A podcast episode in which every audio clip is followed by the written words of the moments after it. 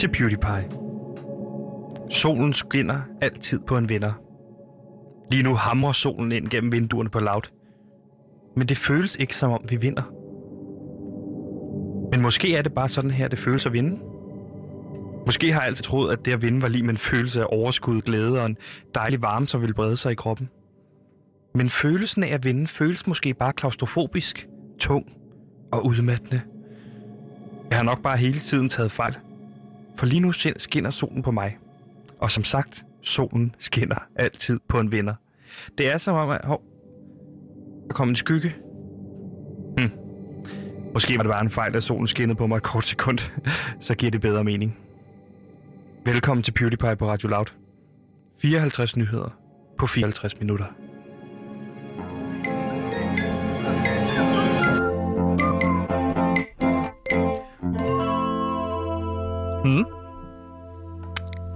Ja, så fik du også lige afbrudt, der var ind i programmet, Gantemir. Det plejer ellers at være mig, der starter programmet, men det er sådan, det er fint nok. Du bestemmer, du har kommet Prøv lige at på. se, om du har begge fødder på jorden. Om du står godt. Eller om du er ved at falde. Og det gjorde du ikke. Nej, jeg står fint. Nå, metaforisk, ikke? Du står præcis, som du skal som Flowmaster. Det er for at teste dig af, og det er jeg glad for, at du står så sikkert. Lige præcis, for jeg er Flowmaster, Gantemir. Det plejer jeg jo selv at sige, men nu har du sagt det, så er det sådan lidt, hvad skal jeg så sige? Jamen, øh, mit navn er Sebastian, og jeg er jo som sagt Flowmaster, og med os ude i regien, der har vi producer Simon. Det er hans opgave at producere.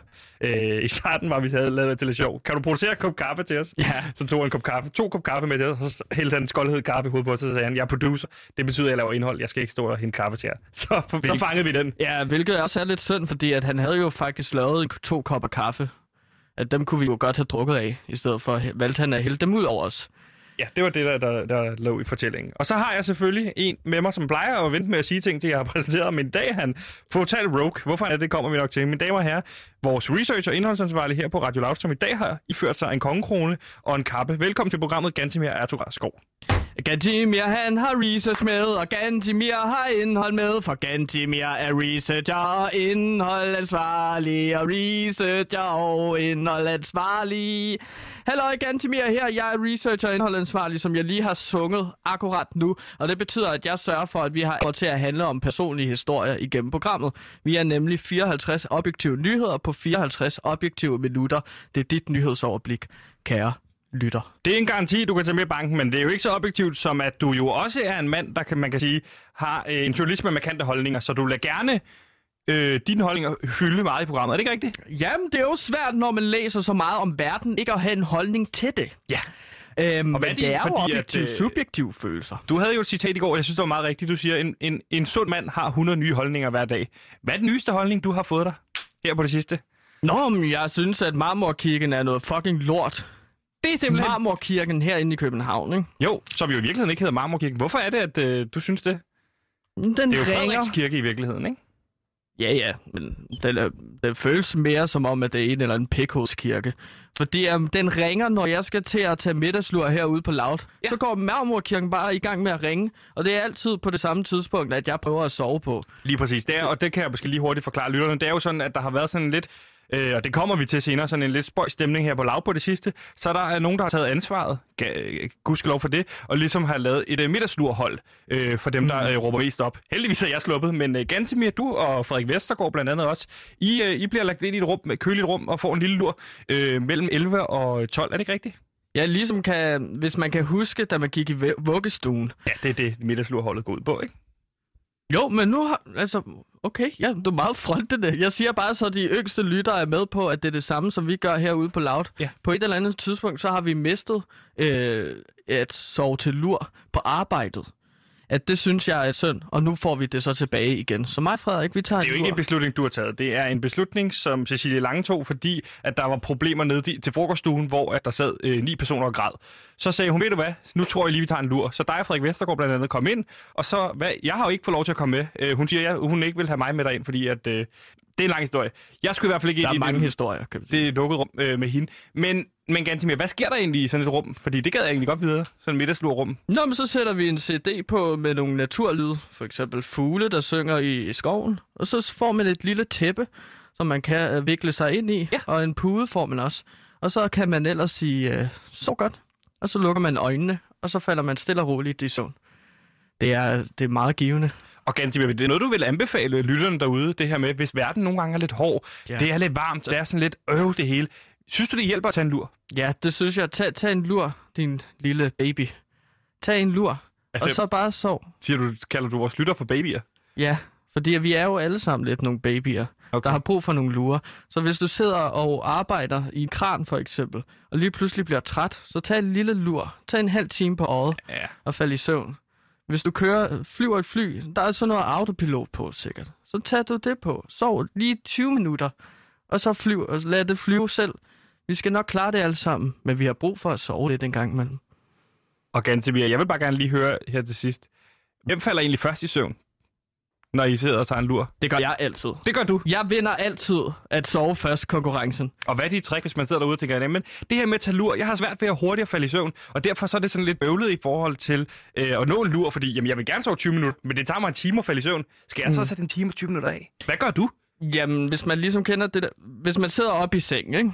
Ja. så lægger man hovedet hårdt tilbage hurtigt, så man rammer hovedet ind i, i væggen. Okay, så det er jo ligesom, hvis du sætter dig sådan lidt for tæt på, på bagvæggen, og så gi- lader du bare falde så hurtigt du kan. Los! Og så bliver du ligesom slået ud hurtigt. Ja, du sætter dig ned, og så lukker du lige øjnene, åbner dem igen, og lad være med at tænke for meget over tingene. Og så hurtigt slynger du hovedet tilbage, og så skal det gerne ramme med sådan lige sådan, lige, lige lidt under knolden. ja. Det er det bedste spot. Og med det lille fif øh, til at En tage en lille lur ud, så vent endelig med at tage en lur til efter du har hørt det her program. Øh, så tag en lur bagefter. Det vil være vores lille fif. Så lad os komme i gang med programmet, Gantimir. Endelig. Den nye lytterbasker er annonceret. For skaberne bag Mor i Nord, Spyd Syd, Hest i Vest, Høst i Øst, Måne i Skåne, Anders i Randers og Lina i Kina er klar med podcasten Vin i Berlin, hvor Puk Elgård undersøger, om tysk vin kan blive for gammel. Okay, en af os skal smage på den her masse. Du må gerne spille ud. En lang podcast på 12 timer og 16 minutter. Hør Vin i Berlin eksklusivt på Radio Loud.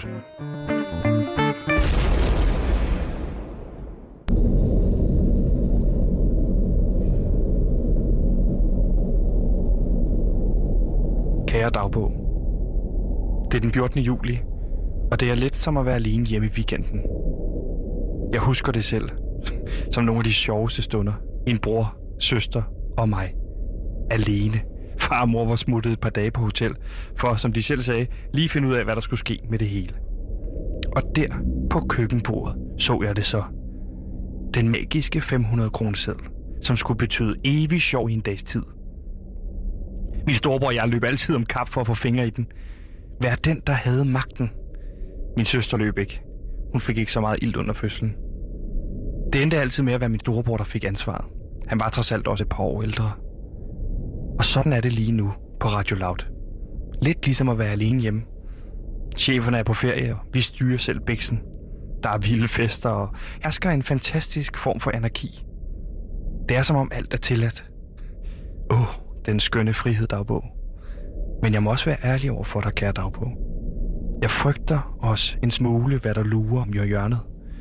For hvor længe kan anarki og frihed herske, før det bliver til hierarki og tortur? For jeg husker jo selv tydeligt, hvad der skete, da weekenden lakkede mod inden. Og man ikke vidste, om mor og far kom hjem, inden det blev mandag, og det rigtige liv vendte tilbage. Hvordan håndterer man det ansvar? Åh, oh, i glimt vender tiden og kampene med min storebror tilbage. Ren overlevelse. Et pludseligt glimt af mig selv med kniven i hånden og camouflagemaling i hele ansigtet. ansigtet. Jeg gør, hvad jeg kan for at skubbe minderne væk. Ikke nu. Ikke nu. Jeg kan ikke holde til det nu. Kære dagbog. Tiden vil vise, hvad der sker her på Loud.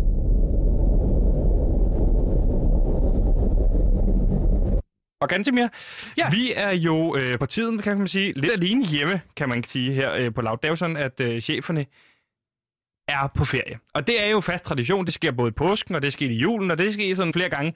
Det her Ja. med, at når, når cheferne tager på ferie, så plejer de at gøre det på, på, på, i samlet flok. Øh, og så er der ligesom lidt frihed. Og de dage er jo gået i gang nu. Men det er som om, det er lidt vildere, end det plejer. Er det ikke rigtigt? Altså, ferien er jo nærmest kun lige startet. Og det går ned.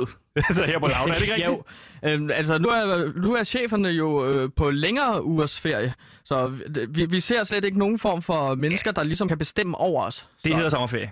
Det er derfor, de er, de er væk. Og det er sådan en lidt længere en. De har taget en syv ugers sommerferie i år, som jeg forstår det. Ja, Øh, altså, alle sammen på samme tid. Yes, alle sammen på samme tid. Så det betyder jo, at vi har utrolig meget frihed, fordi at der ikke er nogen til at bestemme, hvornår vi skal spise, eller hvad vi skal spise. Ja. Og Eller til at fortælle os, hvad vi egentlig skal gøre. Så derfor er der sådan lidt mere, det hele er lidt mere ops for grabs. Og det kan jo gå, gå flere veje, kan man sige. ja, Gantemir, det er, jo, det er jo sådan lige nu, hvis man skal sige det sådan. Der er jo blevet festet en del. Så hvis man sidder derude som lytter og tænker, øh, loud plejer det ikke at lyde sådan her. Hvorfor er det så, så ja, dårligt, har jeg lyst til at sige? Eller sådan er det jo også nogle gange. Det er simpelthen fordi, at det hele er lidt mere op for grabs. Og der er enkelte personer, der er bare stoppet med helt at møde op på arbejde.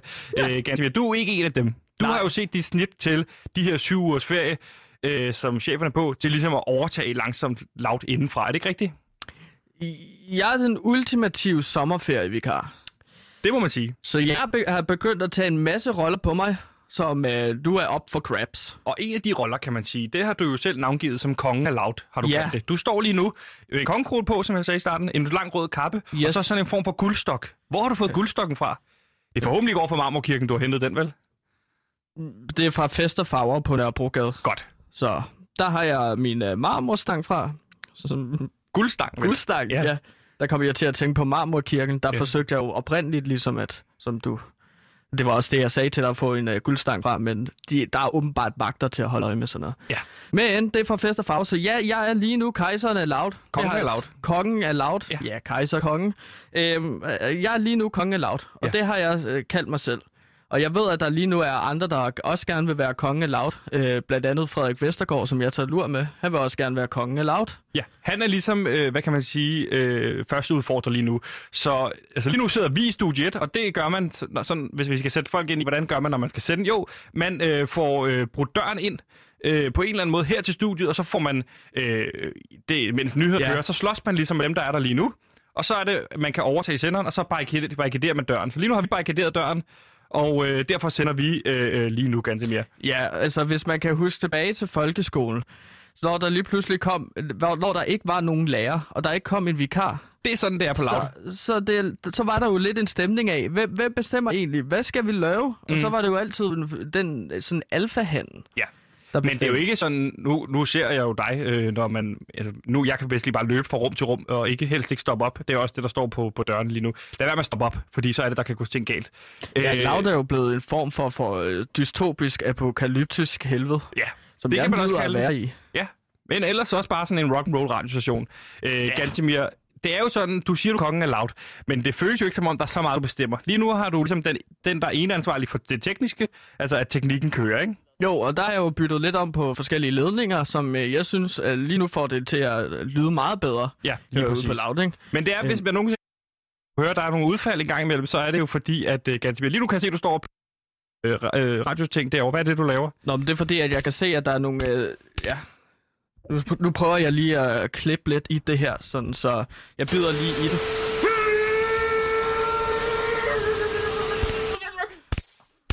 Sådan der. Nu skulle vi gerne være tilbage igen. Men Gantemir, du er jo det, man kan sige, teknikansvarlig. Ja, øh, så det er min, min øh, ansvar, at alt kører, som det skal køre herude på Loud. Og lige nu synes jeg, at det går, som det aldrig har gjort før. Åh, oh, du skal lige passe på, Sebastian. Der er nogle klister, der, der er løssluppet ledning, der Ja, lige er faldet ned. Det kunne jeg godt se. Jeg prøvede ligesom at lime det fast med øh, to ledninger sammen med elefantsnot. Og nu kan jeg se, at det løber ned af klister. Så Ja. det skal du lige passe på. Wow. Oh, så satan. Ellers så, øh, så kører det ellers sådan skal, kan man sige, her i radioen. Ja, lige præcis. Øhm, derudover så er jeg også begyndt at kanalisere penge herude fra Loud, ud til min egen lille fond. Mm. Men Øh, Gantemir, undskyld, ja. hvad sagde du? Ikke noget. Nej, godt. Så afbryder jeg det bare. Gantemir, øh, hvordan har det egentlig været at være konge af lav? Kan du sætte lidt ord på det? Jamen, det har jo... At, at øh, så... Øh, så tæt på, at jeg slår ham Altså, fordi at blod, blod der stod der med økse knive, og så begynder jeg udvikler sig så til, at jeg er bange for, at han ikke har mere blod tilbage i kroppen på det. Eller ikke for sjov, men sådan, at det var ikke meningen, at han skulle dø. Øhm, så det er jo lidt uheldigt. Det kan man sige. Men Gantemir, øh, noget af det sværeste, jeg har oplevet indtil videre her på Lav, det er jo at komme ud af Lav, altså det her med at komme hjem en gang imellem. Du har jo valgt at bosætte dig her på Lav, er det ikke rigtigt i den her periode? Jo, jeg har taget øh, direktørens øh, kontor, Så jeg har både kontorstolen, og jeg har øh, kontorbordet. Og jeg har skiftet øh, kontorstolen ud med en lille trone, hvor i jeg sidder... Lille og lille. Det er jo en relativt stor trone. Jamen, jeg prøver bare at være ydmyg, men Hvor har du er egentlig alle de knogler fra, som du har bygget tronen op på? Fest, fest og farver på Nørrebrogade. Okay. De har en masse, masse ting, som efterligner sådan nogle øh, knogler og kranier. Så det er også derfor, jeg har jo sådan en kranie, som jeg drikker øh, vin og blod af, ikke? Ja. Jamen, det er altså, Gansimir, der er jo ikke andet at sige. Nej, men vi har det her øh, faste motto omkring den her Ja. øh, periode på Loud, som er... Mm, øh, dø.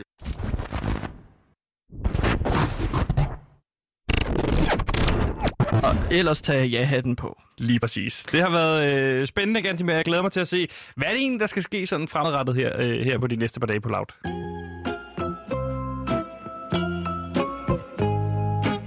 Giv din mor en lammer, for du skal nemlig have hendes interesse. Hendes nye yndlingspodcast er her. For skaberne bag Mor i Nord, Spyd i Syd, Hest i Vest, Høst i Øst, Måneskåne, Anders i Randers, Lina i Kina og Vine Berlin er klar med podcasten Asker i Tasker. En gemmelejspodcast, hvor en ung mand i 20'erne ved navn Asker gemmer sig i sin største tasker. Podcasten bliver tilbageblik på gemmelejens historie, men også Askers inspirerende historie om drømmen om at gå 100% økologisk. Hør Asker i Tasker eksklusivt på Radio Loud.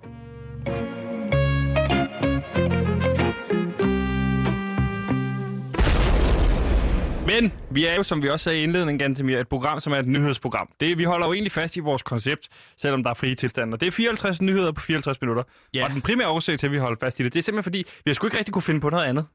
Vi har simpelthen brainstormet løs. Det er jo svært at finde på nye idéer.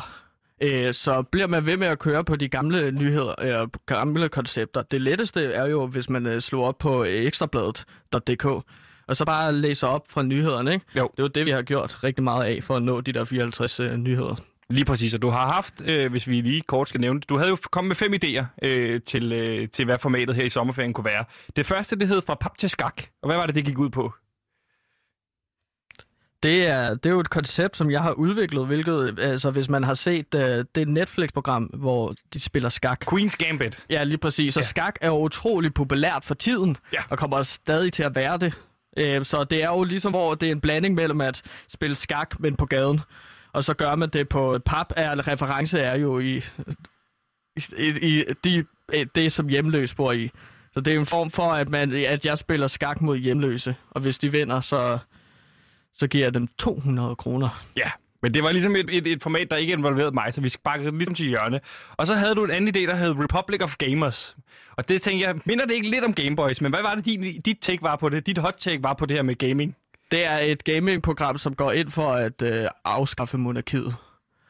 Øh, så vi er en masse gamers, der s- s- spiller lidt videospil, og så ellers snakker vi om øh, monarkiets indflydelse på det demokrati, som øh, øh, findes i Danmark i dag. Ikke? Jo, men det blev Hvordan lidt det tørt hen, kører. hen over sommerferien. Øh, så den sparkede jeg også til hjørne. Så havde du en tredje, der hed øh, sommerferie, øh, More Like House to Build. Og hvad var det? Det var et lidt mere udlandsk koncept. Jamen det er, hvor det sådan, normalt så tænker man, åh, sommerferie, så skal jeg slappe af. Nej, men den her sommerferie, der tager vi ud til udlandet, og så skal vi bygge et hus. At vi finder nogle mennesker, der uh, står i en lufthavn og skal ud og, skal ud og rejse, Og måske hvad- til Grækenland. Ja. Og så hiver vi dem til side øh, i det græske lufthavn, og så tvinger vi dem til at bygge et hus på Yes. to uger. Sommerferie, More Like a House to Build. Den sparkede jeg ligesom også, øh, også til hjørne. Den bliver også meget dyr, Ja. kan man sige. Så havde du også den anden idé, mindede lidt om den første, men der, den hed øh, Fra guld til skak. Hvad var det, den gik ud på? Der, hvor jeg tog op på strandvejen og banker på rige menneskers huse, og så udfordrer jeg dem til skak. Og hvis de vinder mod mig, Hvad, så? Hvis de vinder mod dig, hvad sker der så? så skal jeg, så, så skal jeg have 200 kroner, skal du have to fordi de kroner? er rige. Ja, okay. Ja, så det er jo lidt, lidt et anderledes koncept. Dem, det skulle være sådan et parallelt forløb, ikke? Så kunne jeg give de 200 kroner til et hjemløs, hvis de altså så mig. Ja. Og så havde du den aller... Redistribuere en form for Robin Hood. så restri- redistribuere, whatever, rigdom fra de rige til de fattige Det er jo også bare gennem skak og Queen's Gambit. og Queen's Gambit. Det var lidt den samme idé som den første. God podcast. En god podcast. Det kan være, det bliver en podcast Woo! på Loud. Og så var der den sidste idé, som den var simpelthen så kedelig, at jeg ikke overvejede. Det hed en undersøgelse af firmaet Dell. Hvad gik den ud på? Det er, hvor jeg og tre andre øh, journalister undersøger firmaet Dell. dem, der laver computer Ja. og andre teknologier, ikke? Jo. Og så vil vi så undersøge, øh, hvad er historien Ja, fordi på du... bag firmaet. Men, men hele pitchet, da det er læste det her pitch, det handlede jo om, at Dell tidligere var et firma, der øh, solgte frikadeller, og nu de computer. Det undersøgte du og fandt ud af, at de har aldrig solgt frikadeller. Det, og, og derfor gad du ikke rigtig at undersøge det videre. Det var jo øh, øh, det var et koncept, som jeg startede på, fordi at det simpelthen er Dell. Og så tænkte jeg sådan, hvorfor fanden hedder det Dell? Der må være en forklaring, og det må være, at det forkortelse af frikadelle. At det simpelthen er, fordi de har lavet frikadeller, og så har fundet ud af, at kom, computer kan noget. Så lad os bygge computer. Og når du siger det højt nu, kan du godt selv høre måske, hvor dumt det er. Nej, jeg, har, jeg er sådan lidt melankolsk omkring det, fordi at det havde fandme været en fed podcast. Jeg, jeg er ærgerlig omkring det. Jeg synes ikke, at det lyder dumt, fordi jeg vidste, de havde startet med at lave frikadeller og så computer. Det havde været en fantastisk podcast, som jeg havde. Lige præcis, og der er jo en, for. en regel, jeg har fået at vide her i ledelsen, når vi brainstormer, det er, Sebastian, stop med at sige nej hele tiden til Gantemir. Øh, tager idéer. ja-hatten på. Tag ja-hatten på, men, øh, men det blev altså fem rungende nejer til de fem idéer, du havde øh, til podcast. Gantemir. Jeg har ellers haft meget succes med at foreslå podcast ind, ikke? Med både Ja, altså. boganmeldelse. Du har jo ikke fået nogen i luften endnu. Udover bogen- boganmeldelsen, så er alle de andre podcast jo. Øh, Ja, så, øh, ja, der, der, der, jeg synes, at det går meget godt. Man skal bare blive ved med at pitche ting. Og jeg synes, at det er ærgerligt, når de siger til os ansatte, at vi skal have ja-hatten på, men så når vi kommer frem til dem, så siger det bare nej, nej, nej, nej, nej. ej, de var da rimelig varme på den der idé, du havde med Hanne Vibeke Holst. Så hvad var det? Jamen det er, hvor øh, jeg, jeg skriver et digt, og hvor hun så skal anmelde mit digt. Okay, det minder meget om din boganmeldelsen. Jo, jo. Det var en lang dag, så jeg var løbet lidt tør for idéer. Undskyld. Må jeg høre det digt, du havde skrevet til Hanne Vibeke Holst? Ja, selvfølgelig. Hvis jeg lige finder det frem her. Har du noget underlæg, som du kan spille? Ja. Og underlæg, der mener jeg altså noget musik, som Sebastian finder frem, som han kan spille, mens jeg øh, laver mit lille digt her. Ja, der Jeg har kommer, fundet et øh, digt her, hvis det er. Øh, to sekunder, jeg finder lige et underlæg, der passer til digte. Vi har jo det, der hedder digtunderlæg, som vi altid bruger, når, der er, øh, når du skal læse digte højt. Øh, bup, Ja. bup, bup. Den her, ja. Det må gerne være måske lidt romantisk sommeragtigt. Den her, det er den, vi altid bruger. Den kan okay, du bruge. ja, selvfølgelig.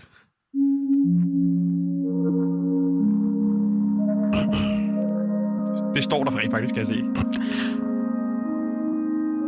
Der står, parentes rømmer sig i 30 sekunder. Jamen, nu har du så afsløret. Undskyld. Sten, Sten, jeg vender dig. Jeg ser under dig. Er du venner med mig? Sten, Sten, jeg tager dig i lommen. Er du i lommen på mig?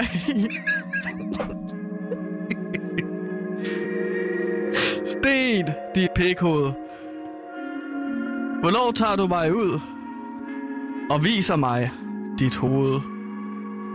Sten, sten, jeg elsker dig, men er du en sten i skoen på mig? Jeg ved det ikke, men tak, sten.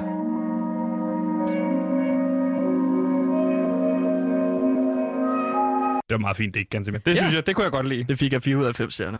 Af Hanne Vibeke Holst. ja. Var det bare det kort? Det var podcasten. Så sagde Hanne Vibeke Holst 4 ud af 5. ja. To minutter podcast, ikke? Det er Så- hurtigt. Så skulle vi have resten af de 50 minutter til at gå. Og det var ligesom der, at ledelse sagde, ej, jeg tror ikke, at vi, vi kan køre det, hvis du ikke har fundet på, hvad I ellers skal. Nej, jeg har jo hørt dommen øh, på de der 52 minutter, og det er jo bare ret stillhed i, i lang tid bagefter. så bliver det jo lidt ubehageligt, der hvor du ikke vil lukke Hanne Vibeke Holst ud, ikke? Jeg synes, at når man har sagt ja til at lave en dummy på 52 minutter, at man så bare går efter et kvarter. At det synes jeg ikke er okay, så lad os dog finde på noget sammen. Så kan hun skrive et digt, og jeg kunne anmelde den. Og hvis du lige tuner ind her på Loud, så sidder vi lige og snakker med alle de podcasts, der ikke er blevet til noget indtil videre her i sommerferien. Et af dem blandt andet øh, en podcast med Hanne Vibeke Holst og dig, Gantemir, hvor du har læst et digt op øh, om en sten, og så resten af tiden er det Hanne Vibeke Holst, der prøver at komme ud af, af lokalet i 50 minutter. Podcasten hedder jo Digt Pics. Digt pics. Ja, det var spil på Dick Pics. Hvorfor, hvorfor er du også spillet på dick pics? Det er er der meget sjovt, synes jeg. Det er jo fordi, at jamen, altså, de unge kender jo godt til dick pics på internettet. Så har vi et åbningsjoke hvert program, øh, hvor jeg har sendt et dick pic Hanne Vibeke Holst. Altså et, et, billede af mit digt. Ja. Og så skal hun så fortælle, hvad hun følte, da hun så så et billede af mit digt, ikke? Det, det, Jeg det synes kan, det er et det indslag, kan der virker noget. særlig godt i podcasten, Gantimir. Men vi har en nyhed til jer. Det, er så, så det var det, jeg kom fra. Det var det, jeg skulle sige. Vi er jo 54 nyheder på 54 minutter, så lad os se at komme i gang med det.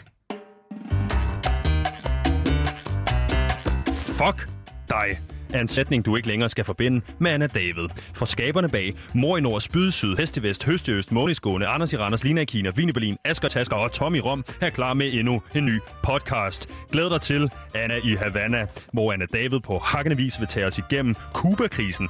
Jamen, øh, som jeg også nævnte før, så er det bare... Og det er jo en lang proces, hvad jeg har lært hjemmefra. En podcast, der nu tager så lang tid, som det vil tage Anna og forklare os Kuba-krisen. Hør Anna i Havana eksklusivt på Radio Loud.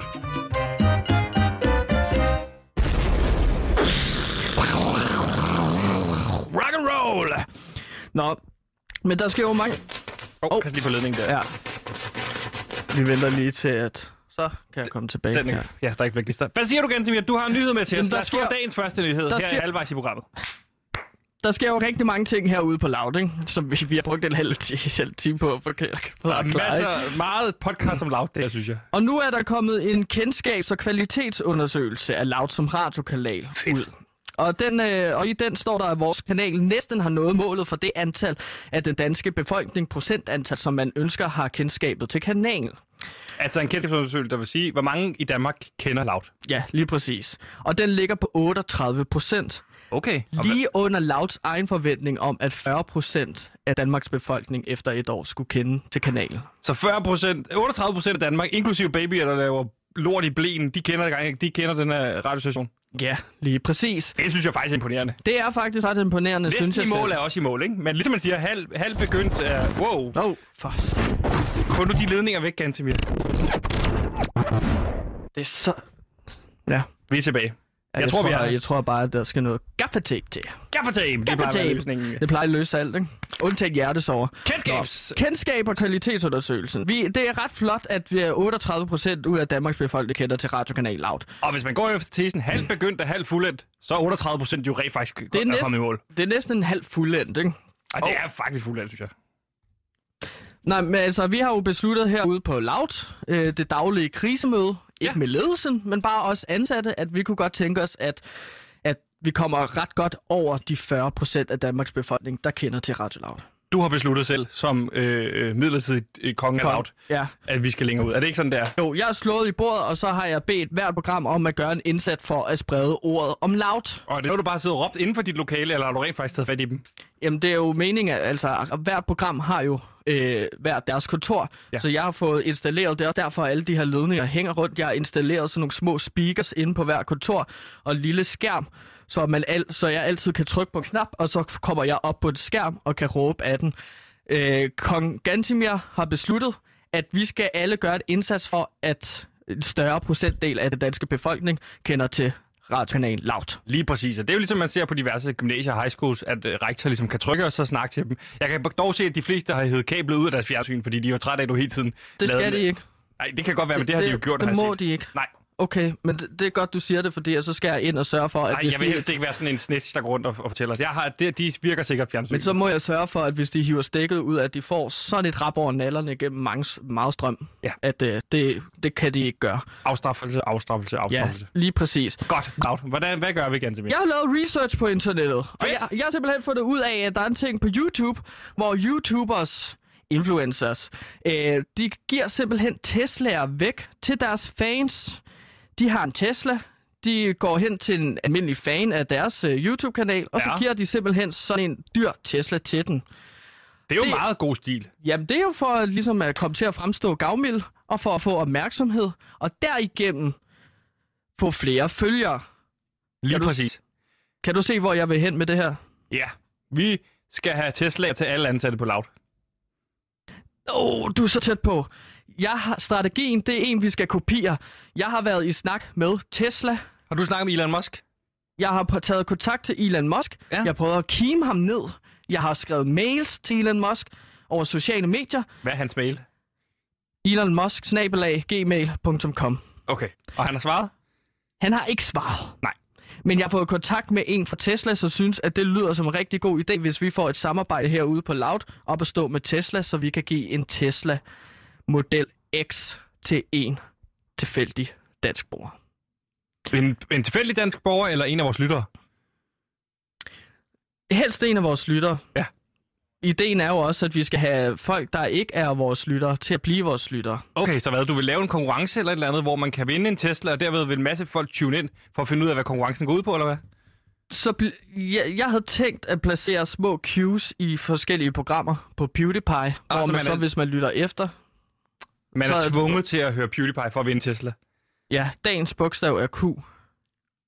Og så ved du, at du skal huske Q. Nu ved jeg bare, at dagens bogstav er Q, men jeg ved ikke, hvad det skal bruges til. Så kommer der til over de næste to uger at blive uddelt øh, bogstaver hver dag, og så skal man finde ud af, hvad det er for et ord, man skal stave til. Og så vil vi ellers give dig en øh, Tesla Model X øh, bil til det vejledende pris på 930.000 kroner. Det synes jeg er fedt. Jeg vil også bare lige spørge dig helt øh, hur- hurtigt. Er, k- er det helt udelukket, at man som vært kan vinde? Øh, Vi vil jo helst have, at det er en Nu siger du tilfælde... vi hele tiden. Hvem er vi? Jamen, det er jo vores program, Sebastian. Vi vil jo gerne Nå, have... du taler på vores vegne. Jamen, ja. Til mig. Jeg er ret sikker på, at det vil være pisse ulovligt, hvis jeg bare gav dig en Tesla Helt gratis. sikkert. Men jeg, må jeg deltage i konkurrencen? Det er bare det, jeg spørger om. Og nu hvor jeg Det kender... tror jeg ikke, Okay. men du er mere end velkommen til at lægge dit navn i hatten. Når man en dag Så skal... finder vi ud af det. Når man en dag kommer til at sige, i dag udlodder vi øh, Teslaen, kan jeg så sige op den dag, vinde Teslaen, og så komme tilbage igen? Jeg vil, det er bare fordi, jeg ved, hvis det er X-modellen, det er også den, øh, Peter Faltoff kører i. Så det vil jeg gerne vinde, så kunne jeg køre om kap. Så kunne jeg køre ind hjem og sige, så det er ligesom radiobiler. Hey, vi har begge to Tesla. Vil du ikke love mig, Jo. at du aldrig kører ind i Peter Faltoft med en bil? Jo. Okay. Øhm, nej, men jeg kommer bare Det til at tænke på, sidste uge, hvad, hvad, hvad, vil du tænke, hvis du ligesom hørte Curlingklubben og Maria Fantino og den anden? Christian Bunde, lad være med at sige den anden. Han hedder Christian Bunde. Ja, ja, Vi har okay. været i curlingklubben. Du kan det mindste vise den respekt, der kunne deres navne. Hvis de nu selv... Øh, de viste ikke respekt over for mig, så fuck det. Men det er bare et eksempel her. P3-programmet. Øh, Maria og Christian, de så udlover en øh, Tesla-bil. Mm. Så vil jeg høre det mere. Ja, og så vil man så kunne vinde en Tesla-bil. Men hvis de nu afslører en dag, at det er sådan... Gud, Christian Bunde, du har vundet Tesla-bil. Fuck, over hey, det vil være lyttere." snyde, hvis jeg har deltaget hver dag i en P3-konkurrence, og så er det Christian Bunde selv, der vinder. Ja, præcis, fordi at det er ham, der står bag konkurrencen. Sebastian, vi, meningen er jo, at vi skal have flere lyttere og flere folk, der kender til Loud. Den der kendskabsmåling er jo en katastrofe. Vi skal have flere lyttere.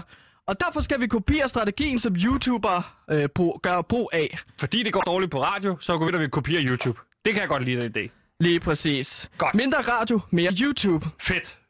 Så den her bil, som vi skal give til en øh, dansk borger, det er jo en øh, gave, hvilket betyder, at den, der vinder bilen, så selv skal betale skat af bilen. Okay. Okay. Det plejer ikke at være os, der skal det. Det er vist en præmie, og jeg kan simpelthen ikke øh, fra lavt side af betale skatten af bilen. Så mange penge har vi ikke. Nej, men du er også selv begyndt at kanalisere penge ud af loud, så det er måske derfor, der ikke er råd til at betale skat på den her bil. Hvor meget, skal, hvor meget drejer det sig om? Hvad er beløbet? 130.000 kroner. Så hvis man vinder den her bil, så skal man betale 130.000 kroner for Ja, at få den. ja, lige præcis. Men det er jo ikke anderledes, end hvad man har kunne se for eksempel på Extreme Home Makeover. Det her boligprogram, der fandtes engang. Et fantastisk program. Ja, fantastisk program. Så går de ind, laver noget følelsesporto, bygger en kæmpe bolig til en fattig familie. Og de byggede en kæmpe bus nogle gange også, så sagde de bare, move that bus! Så finder de bussen, så kan de se, at deres bolig er steget med værdi af 3 millioner dollars. Og det skal de betale skat af på. Det har de ikke råd til. Flygt! Flygt! Bl- gå bankerot! Yes! Bliv hjemløs! Hvis det kan det på amerikansk tv, så må jeg, så synes jeg kraftedeme også, at vi må det på loud. Fedt.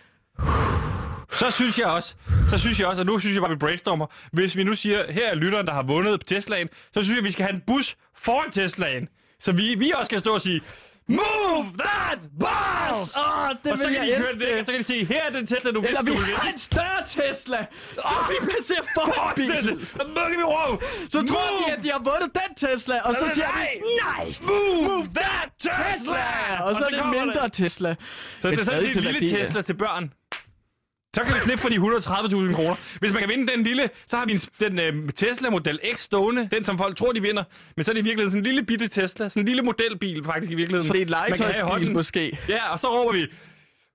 Så tager vi et billede øh, af Teslaen og siger, at I kan vinde den her, og så lægger ud. Men så er det bare fordi, at det er legetøjsbil, der står bagved. At det er legetøjsbil, der står bag den store Tesla. Så tager vi bare et billede af den store Tesla, og så siger, at den her Tesla kan I vinde. Men man kan ikke se, at det er en Eller vi legetøjsbil. gemte det i billeder handskerummet, så i virkeligheden ligger den rigtige præmie inde i handskerummet. Ja, ikke altid mere. Helt ærligt, det er en lort idé, fordi det betyder jo, at folk vil blive sure. Hvis de vandt en Tesla, troede de havde vundet en Tesla til, til jeg ved ikke, hvor er, penge. ja, det kan du godt have ret i. Øhm, Er det fordi, du ikke har øh, anskaffet en rigtig Tesla for, for Tesla? Men du bare har anskaffet de har ikke hånd? svaret på min mail. Okay. Jeg lover, at jeg får et eller andet sat op. Men altså, det er også lige meget, om folk bliver sure i virkeligheden, fordi at nu er vores kendskab øh, på Loud jo gået op, fordi at, at de har forsøgt at vinde den her Tesla, ikke? Åh oh, ja, der er jo ikke nogen, der siger, hvordan vi skal blive kendte. Nej, vi skal nej. blive kendte på, at det er de der pikhoveder fra PewDiePie. De Så er der man- fuck røvhuller, der har snydt os. Det er okay, Ja. fordi at, Nu kender de kendskab- os i det mindste. fordi at vores mål om kendskab, øh, at 40% af den danske befolkning har kendskab til, øh, til Radio Loud, Lige præcis. det er ikke positivt eller negativt nødvendigvis, vel? Det er jo det, jeg altid har sagt. Ja. Jeg vil bare gerne, jeg vil bare gerne være kendt. Mm. Så kan man komme ind, okay, nu kender vi Loud, så kan de andre programmer, så ligesom, det er også rent faktisk noget godt indhold. Men det er jo ja, takket være os, at de lytter til Touché. Altså, Ja. det er også, hvis ikke vi var faldet, så var der ingen, der kiggede herover. Nej, For så at se, hold da kæft, hun er da lækker, hende der Cecilie Lange. Altså, det er jo modellen, man plejer at køre. ja. Jo, jo, klart. Men jeg tænker, at vi... Det er derfor, der er ingen, der hører Radio 4. Jeg tænker, De får aldrig op. jeg tænker, Sebastian, jo, at vi skal jo ud med en eller anden form for YouTube-video, ligesom YouTuberne laver. Så vi skal jo have bygget en eller anden form for idé op. Hvordan skal det starte? Hvordan skal den forløbe sig? Og hvordan skal den slutte? Sådan en YouTube-video. Det synes jeg er en god idé. Måske vi skal kigge på det i morgen, i forhold til at lave en annonceringsvideo. Fordi jeg må ja. Ja. sige, jeg er helt tom for idéer, efter du havde, vi havde brainstorm-møde senere med dine øh, podcast-idéer. Jeg kan ikke forestille mig, at du har flere idéer tilbage. Nej, jeg, jeg er lidt løbet tør, men det kan vi arbejde på. Så kan vi præsentere ideen i morgen. Også til dagens bogstav. Dagens bogstav. Jeg aner stadigvæk ikke, hvad konkurrencen er. Jeg ved bare, der er noget, der hedder dagens bogstav. Nej, jeg prøver bare noget, ikke? Og Jo. så ser vi, om, om det, det giver mening om nogle dage. Men i hvert fald er der en ting, der er sikker. Dagens bogstav, det er... Q!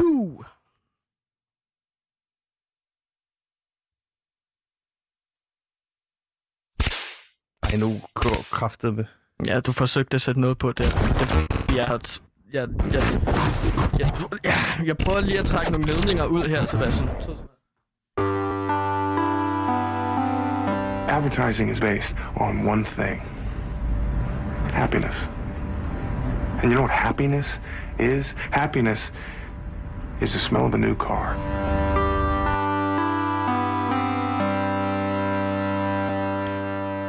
Så der er mål, så der er mål. Lo, lo, lo, lo, lo, lo. Mål til de røde og hvide drenge. Så Ja! også kodapenge til dem. Gantemir, EM sluttede jo her i øh, weekenden, som vi jo også øh, talte om. Gantemir, øh, her i finalen mellem England og Italien. Hvem holdt du egentlig med der?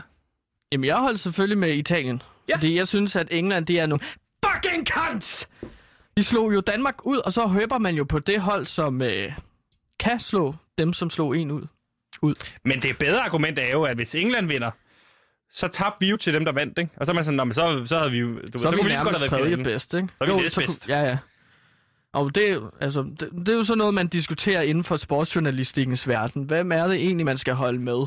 Øh, holder man med det hold, som slog en ud, eller dem, som spiller mod det hold, som slog en ud, ikke? Og selvom EM er færdig, Gantemir, så er vi jo ikke helt færdige med at tale om det. Og der er vi jo ikke fordi, at vi skriver manuskript om det. Men, men lige kort, den her finale på Wembley, hvor der var en masse uroligheder og ballade. Hvordan tolkede du det? Hvordan oplevede du de her uroligheder? Jamen, jeg så det som en øh, lidt sort dag for øh, fodboldens øh, ligesom ry. Fordi at meningen er jo ligesom, at man skal mødes, og så skal man bare ligesom tage alle slagsmålene inde på banen. Man har spillerne til at takle hinanden, slå hinanden ihjel. Øh, metaforisk selvfølgelig, øh, men også virkelig. Øh, og så alt det, der foregår udenfor, det skal man ikke tage omkring stadion. Mød ude i et skov øh, med, mellem to huligangrupper, og så smadre hinanden med økser og øh, rør. Jeg synes, det er ærgerligt. Fordi at engelske fans, de har bare altid været så fucking søde. Ja. Og nu er folk, nu har folk spillet af engelske fans, de har fuldstændig ændret sig. Hvem skulle have troet, at engelske fans kunne finde på at slås? Det var jo trods alt dem, der opfandt det at slås til fodbold. Så det er jo ikke helt chokerende. Men så har de da gjort det godt igen. Whoopsie du, øj, hvor er jeg overrasket. Er du ironisk nu? Ja, Okay. det var ikke så overraskende. Men Gantemir, Fucking kant. yes. Du er jo en af de danskere derude, der lige nu sidder og skriver på netop sommeren 21, som øh, er jo en lille form for toer til EM-filmen, man så sidst, som var sommeren 92. Ja, lige præcis. Så det foregår i samme univers. Ja, og der vandt vi jo øh, EM dengang, og det gør vi ikke den her gang, men derfor er der stadigvæk en gemmer der sig jo lige så god film øh, lige nu. Og du er jo i skarp konkurrence med, lige nu ved jeg i hvert fald, Adam Prise og Mikke Øendal om at være den, der kommer først med filmen. To af Danmarks største manuskriptforfatter. Lige præcis. Og Gantemir, du er jo selv manuskriptforfatter øh, og har skrevet Strisser på anhold, både sæson 1 og 2, som man kommer til at kunne se på TV2 i fremtiden. Ja. Og til folk, der sidder derude og lytter med og drømmer om at selv skrive den næste store danske film øh, om en stor dansk begivenhed, der er jo masser. Øh, Harald Blåtand, og jeg kunne blive ved. Hvad, hvor finder man tiden til at skrive sådan en film hen? Altså, altså hvad, hva- hvor, hvor finder man inspirationen i virkeligheden til at skrive om en historisk begivenhed? For det første gælder det om at have faste rutiner. Sørg for minimum bare at skrive lidt hver dag. Øh, hvis du har børn eller arbejde, for eksempel, øh, så skemalæg det, så du siger, okay, øh, en time fra klokken 7 til 8 i aften, der skriver jeg. Er det nok at simpelthen bruge en time om dagen på, til at skrive? Altså, nu er du i konkurrence med dem, så for dig er det måske ikke nok, eller hvad? Altså, der er jo også nogen, der bruger en halv time på at skrive lidt hver dag. Orange Sorkin, Aaron Sorkin, 20 minutter hver dag. han skriver 20 minutter hver dag. Ja. Ja. Han er jo en af de mest effektive manuskriptforfattere, der, der spytter film ud. Ja, ja. Altså, øh, øh, jamen altså, kreativitet, det er jo en hell of a drug. Og Ja. der kan han bare spytte øh, fantastiske film som øh, Moneyball ud. Ja, Det gjorde han på syv, øh, syv dage på 20 minutter hver dag. 20 minutter om dagen, 7 dage. Det lyder som en slankekur. Så øh, har han skrevet Moneyball. Jamen, det er også det, han øh, går rundt og reklamerer lidt med. Jeg kan lære Siger du dig. til mig, prøv at læse op, at han har brugt kun lidt over to timer på at skrive Moneyball, som var to timer og 10 minutter. Og, altså, han har skrevet et, et minuts film i minuttet. Der er jo grund til, at han er prisvindende, ikke? Okay. Altså, der, der er en grund til, at han er prisvindende, fordi at, at øh, han sidder jo bare, og så skriver og så behøver han ikke at ret i det. Nej. Det er jo lige præcis det, han skriver. Det er det, der kommer ud på skærmen. Okay. Det er jo det fantastiske ved ham. Gid, Det er det, jeg han var lige så dygtig. Han skriver på intuition. Han skriver på mavefornemmelse. Og der er han bare så heldig, at hans mavefornemmelse er guld. Hans mavefornemmelse er diamant. Det er jo ikke alle, der har det sådan derude, fordi at øh, der sidder garanteret masser af lytter derude, der måske også drømmer om at være manuskriptforfatter, som skriver øh, et eller andet, der siger, Nå, men der er en dreng og en pige, den her scene. Dreng siger, øh, jeg elsker dig, pige siger, jeg elsker også dig. Så sidder man der og kigger på det og tænker, åh, det er ikke, det er bare ikke sådan, det skal være. Eller det er ikke, jeg sl- Nej. sletter det igen. Ja. Hvordan kommer man, hvordan, hvordan, hvordan får man den der mavefornemmelse, hvor man kan mærke, nu, sidder, nu skriver jeg rent faktisk noget, der er godt. Manuskriptforfatte er ligesom at stryge. Ja. Du skriver lidt, og så går du lidt tilbage, retter, Ja. og så skriver lidt videre. Ah, okay, så du stryger dig henad, og så går du lidt tilbage, stryger, men kun lige lidt, sådan hele tiden. Ja, Så lige du præcis. retter lidt hele tiden. Ja, bare sørg for at komme lidt længere, end du var sidst. Og det Okay. er faktisk et trick, Mikke Øgendal, han lærte mig. Ja. Stryge. Stryg. Han lærte mig både at stryge skjorter, men også at, manus, at, at, manus, at, at forfatte, det er ligesom at stryge. Ja. Som han jo havde lært Paul Thomas. Paul Anderson. Paul Thomas Anderson har, ja. Har, har, har Mick Øgendal Han, været i kursus hos Paul Thomas Anderson. Mick Øgendal har været i lærer hos Paul Thomas Anderson. Manden, der har skrevet Boogie Nights. Ja, lige præcis. At de er ret gode venner. At, Hvor kan, man, hvor kan du se hen i Mick Øgendals måde at skrive på, Paul Thomas Andersons måde at skrive på? Er der nogle eksempler, hvor du siger sådan, når man her i for eksempel alle for en? Eller Det handler jo om mænd, der ikke kan finde ud af at fungere i den verden, de lever i. Okay. At, at prøve at snyde sig til succes. Altså prøv at se Blå Mænd, for eksempel. Ikke? Ja. Det er jo lidt ligesom at se The Master. En film af Tom, Paul Thomas Anderson. Med Philip Seymour Hoffman i hovedrollen om, om, om Scientology. Du sammenligner blå mænd med... Phoenix også, ikke? Jo. Altså Phoenix og Mikke Øgendal, de har jo lidt samme karisma. Nu har jeg for eksempel set øh, den Paul Thomas Anderson film, der hedder Punch Drunk Love med Adam Sandler. Du skal ikke sige til mig, at det i virkeligheden var Mick Øgendal, der blev castet til den film, man ikke kunne, fordi han skulle optage blå mænd samtidig. Han var i gang med at lave en efterfølge til Leak Tricks. Mictrix. Mick Tricks, ja. Ja. Hans stand-up show. Så han var gået i gang med at uh, skrive opfølgeren. Til Matrix, og derfor kunne han ikke øh, være med i Punch Drunk Love af Paul Thomas Anderson. Og det var Altså- ellers en uh, film, som Adam Sandler fik stor ros for. Et stand-up show, vel være ikke? med. Mick Øgendag var ja. også meget glad for at lave Matrix, så man skal jo forfølge det, man kan stå inden for, ikke? Han, han, må, han må være ramt en mur, fordi han lavede jo aldrig toren til Matrix. Det er jo lidt den samme historie som med Anders V. Bertelsen, som efter Taxa, eller på grund af ta- at Taxa ikke kunne være med i øh, Moulin Rouge, og derfor så blev han droppet til den. Det er jo den der historie om, hvad nu hvis? Hvad Hvad, nu hvis? hvis Mick Øgendal ikke var begyndt at skrive på Matrix 2, Og i stedet for at med i Punch Drunk Love. i stedet for Adam Sandler? Nu skriver han jo øh, på sommeren 21, som du også skriver om, Gantemir, og det er jo en fantastisk film, vi er i gang med at høre om, og øh, du har jo hele manuskriptet længe foran dig, men du siger, du er stadig i gang med strygemetoden. Vi er der slet ikke endnu. Øh, men, men du har taget en scene med, som du føler næsten er færdig lige nu. Kan du øh, kort beskrive den, fordi vi har tidligere talt om scenen lige op til Rusland-kampen. Vi har talt om, øh, som skulle ses POV igennem Morten Vihorst hoved. Vi har øh, set åbningsscenen, hvor at, øh, Martin Bradford får øh, øh, buksevand af Pierre Emil Højbjerg. Og ganske nu er vi kommet til, hvad for en scene? Jamen i dag skal vi snakke om en scene, hvor landsholdet sidder i flyet på vej til det kontro- kontroversielle stadion i Baku. Lige præcis, som vi jo også har dækket her, Baku. Ja, Folkefest og folkedrab. folkefest og folkedrab. Og alle virker jo spændte på flyet, fordi at de skal ud og spille... Er vi i gang nu? Hey, vent lige. Altså, du skal lige sætte scenen. Nå, det var bare for at sige, hvad scenen er. Okay, fint. At lige op til her, så alle, alle er jo spændte, det har de snakket om, og stemningen er rolig, men så sker der noget uventet i den her scene. Okay, så det, er, det handler om på vej turen ned til Baku, hvor Danmark skal spille kvartfinale mod Tjekkiet. Ja. Fedt. Gantemir, lad os, øh, lad os øh, komme i gang med scenen i virkeligheden, fordi jeg kan se, at du lige nu slår op i scenen. Hvor langt, øh, hvor langt hen er vi i filmen? Jeg kan se, at det er to tredjedel hen eller sådan noget lignende, det her. Ja, det er sådan øh, to tredjedel inden. Sådan måske, hvis det vil sige 66 procent af filmen er færdig, så er det måske sådan 63 procent af filmen, der er færdig. Okay, og hvor, hvor, hvor, hvor lang bliver filmen egentlig? Sådan tidslængde, hvor langt hvor, hvor, øh, forestiller du, den skal være? Jamen, jeg synes sådan en klassisk tre timer film Ja. vil være meget fin, ikke? Sådan en får hele man- aftensfilm i biografen, så kan man også tage lidt efter for den i, i boderne. Ja, så første ark er i, i før- første time, anden akt i anden time, og så tredje akt i tredje time, ikke? Jo. Så på den måde bliver det lige fordelt, så alt for love. Gantemir, lad os komme i gang med den her scene. Hvad sker der her? Vi starter med at se, at Julemand han sidder bagerst i flyet, og han passer lidt sig selv. Okay, han sidder sådan be- beskuende. Øh, øh, sidder han og Han taktik? sidder, eller hvad, bider, laver- han sidder og bider en blyant og skriver ting ned på notespapir. hvad ser vi, hvad han skriver ned? Så vi kan skri- se, at han skriver 4, 4, 2. Okay, så han planlægger Og at så spille sætter han 4-4-2. et kryds over. Okay, så, det, så, så han skal ikke spille 4-4-2 Nej, alligevel. nej. Så det var en strøtanke. Ja. Så vi, jo, det er i virkeligheden det her, der hedder øh, Stream of Consciousness. Altså det her, vi, vi får lov til at komme et indblik mm. ind i hovedet på, på Kasper Julemand, Ja. og vi ser ham skrive alle sine idéer ned. Hvad Han- skriver han efter 4-4-2? Hvad sætter han så kryds over? 5, 3, 2. 5-3-2, Ja. så sætter han et kryds over det. Ja. Hvad tænker han så på? Fordi det er jo et indblik ind i hans hjerne. Hvad skriver han så ned? Så krøller han papiret for sammen. Så starter han forfra. Ja.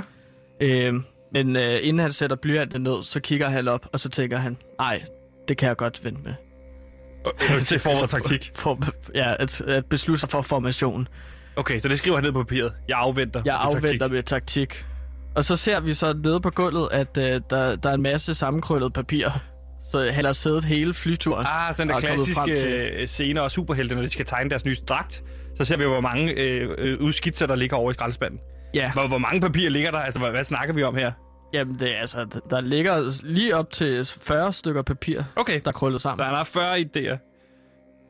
Han har startet forfra 40 gange, i hvert fald. Så er der skrevet 40 papirer med en masse opstillingsidéer, og så skrevet kryds over. Han er, han er lidt frustreret Okay. i virkeligheden. Nå, men vi kom så op til AC, øh, Chelsea AC, der... Som er Chelsea spillet, AC, og s- der er sammen med den anden AC, der sidder de og spiller Mario Kart. De øh, sidder Okay. simpelthen og spiller noget Nintendo Hvem spiller det? AC, og hvem sagde du? AC. Og de to AC'er, og Ja, det er ja, forvirrende. præcis. Okay, så det, den, den svenske AC er Chelsea AC, og, og, og den Chelsea AC er jo spillet af øh, Anders V. Bertelsen, som jeg husker det. Men hvem er spillet, øh, og, og Kasper Julemand er selvfølgelig Troels Lyby. Men hvem er, hvem er svenske AC, den rødhårede? Det er Peter Plaumborg, Peter Plaumborg, den fantastiske, meget intense skuespiller, som er rødhåret. som er rødhåret. Du kunne ikke Præcis. farve håret på en, der var mindet mere om øh, den svenske AC. Nej. Nej, vi behøver jo ikke. Altså, der tænker jeg, at det læser meget godt op i. Så kan vi spare nogle penge. Ja. Og hvis man har set Peter Blauborg nogensinde, så er han jo en meget intens skuespiller. Er han lige så intens i denne her scene, mens han spiller Nintendo? Ja, han er meget dårlig taber. Så altså, lige når han øh, får... Han er på førstepladsen, ser vi, og så får han det blå skjold på sig. Ja. Og så ryger han ned på en 8. plads ud af 12. Og der kaster han så controlleren ind i væggen. Så, så man kan se, at der er en bule i væggen, og controlleren går i 10.000 små Altså en væg i flyet. Ja. Han er ved at smadre flyet, fordi at, øh, han taber i Mario Kart. Ja, han begynder at banke mod et vindue. Så der er nogen, der skal stoppe ham.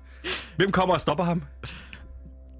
Men det er jo her, at vi lærer, at han har nogle komplekser i forhold til, at han er ældre end den unge AC. Ja, det er selvfølgelig rigtigt. Så han, han har nogle udfordringer der, som måske kan bløs op. Okay, det er et setup. Ja, øh, lige til, præcis. til, det får får, et payoff senere. Det synes jeg er en sætning, du har sagt rigtig meget, det her med, at det får en payoff senere. Okay, så de spiller Mario Kart. Hvad sker der så? Pludselig hører vi jo Wow! råben bagfra. Wow! Bliver der råbt bagfra. Og lige pludselig kommer to maskerede mænd med maskingevær frem, og de kaprer flyet. Vent, vent, vent, vent, der er terrorangreb i flyet på vej til kvartfinalen øh, mod Tjekkiet. Det er i hvert fald en kapring af flyet. Okay, så der er en kapring af det her fly. Er det noget, der sker i virkeligheden, eller er det her, du vælger at dække det frit videre på? Det ved vi jo ikke. Vi var der jo ikke. Nej, det er selvfølgelig rigtigt. Så ideen med filmen er jo, at man kommer ind og ser de ting, som vi ikke fik lov til at se. Alt Okay. det, der foregår rundt om kampene. Men forestil dig ikke, at DBU har meldt ud og sagt, hey, jeg ved ikke, om drengene er klar. Øh, Der har lige været terrorangreb på flyet. DBU. Prøv at høre, GDPR-lovgivning, det siger jo, at du ikke må sprede sådan noget information. Okay, det er jo så- privat. Så du ser det så meget plausibelt, yderst plausibelt, at der har været terrorangreb på, på flyet. Fedt. Ja, det ville da også være en dårlig sag for UEFA, hvis det kom frem, at DBU havde tvunget spillerne til at skulle spille en kamp. Eller UEFA havde tvunget dem til at spille en kamp, på trods af, at der var sket et terrorangreb. På Jeg mig- fik faktisk et opkald fra Kasper Julemand om, at de havde fået et opkald. Op, at de har fået et opkald, ja. Så de kunne få lov til at ringe til nogen okay. for at sige farvel. okay. Og så ringer Kasper Julemand til UEFA og siger, at de er blevet belejret, så Og de så- kan nok ikke spille. Og så siger UEFA, I har to muligheder. Enten kan I spille kampen nu, eller også så kan I spille den i morgen kl. 12. Præcis. Det virker gentagelse af en tidligere scene. Ganske det virker som om, du har skrevet den her scene. Nu siger jeg bare, hvordan det ser ud fra. Det ligner udefra, at du har manglet spænding i en scene, og så har du skrevet terrorangreb ind i, i flyturen ned til Baku. Nej, vi ved jo ikke, om der er foregået terror. Det kunne lige så godt være sket, og derfor er det jo lige så godt, kunne det lige så godt være med i min film. Men ganske mere, vi er også så langt i på vores program PewDiePie lige nu, at vi må stoppe scenen her midt i et terrorangreb, og så må vi tale videre om det i morgen. Okay. Cliffhanger, som man kalder det. Cliffhangers. Ja, det er jo hvad? Det er jo cliffhanger, det er jo... Øh... Det er jo øh, sådan en beskrivelse af, okay, der sker noget meget spændende lige nu, men I må simpelthen se med i næste afsnit for at få forløsning. You know, if you were to follow a busy doctor as he makes his daily round of calls, you'd find yourself having a mighty busy time keeping up with him. Time out for many men of medicine usually means just long enough to enjoy a cigarette.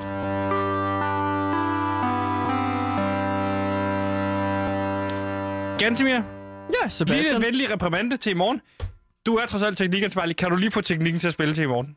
Jo, selvfølgelig. Jeg kommer til at arbejde hele natten, tænker jeg. Og så Fedt. prøver jeg at... Men husk, Sebastian, til ja-hatten på. Jeg har ja-hatten på. Men det, Ja, ja, er- ja, ja, ja, ja, ja. men det er måske det, bedre, at jeg har sige. på end en ja-hat, fordi det vælter rundt med ledninger, der grister i. Nu skal I høre øh, lige om lidt Gameboys. Men inden I skal høre Gameboys, så skal I høre nyheder.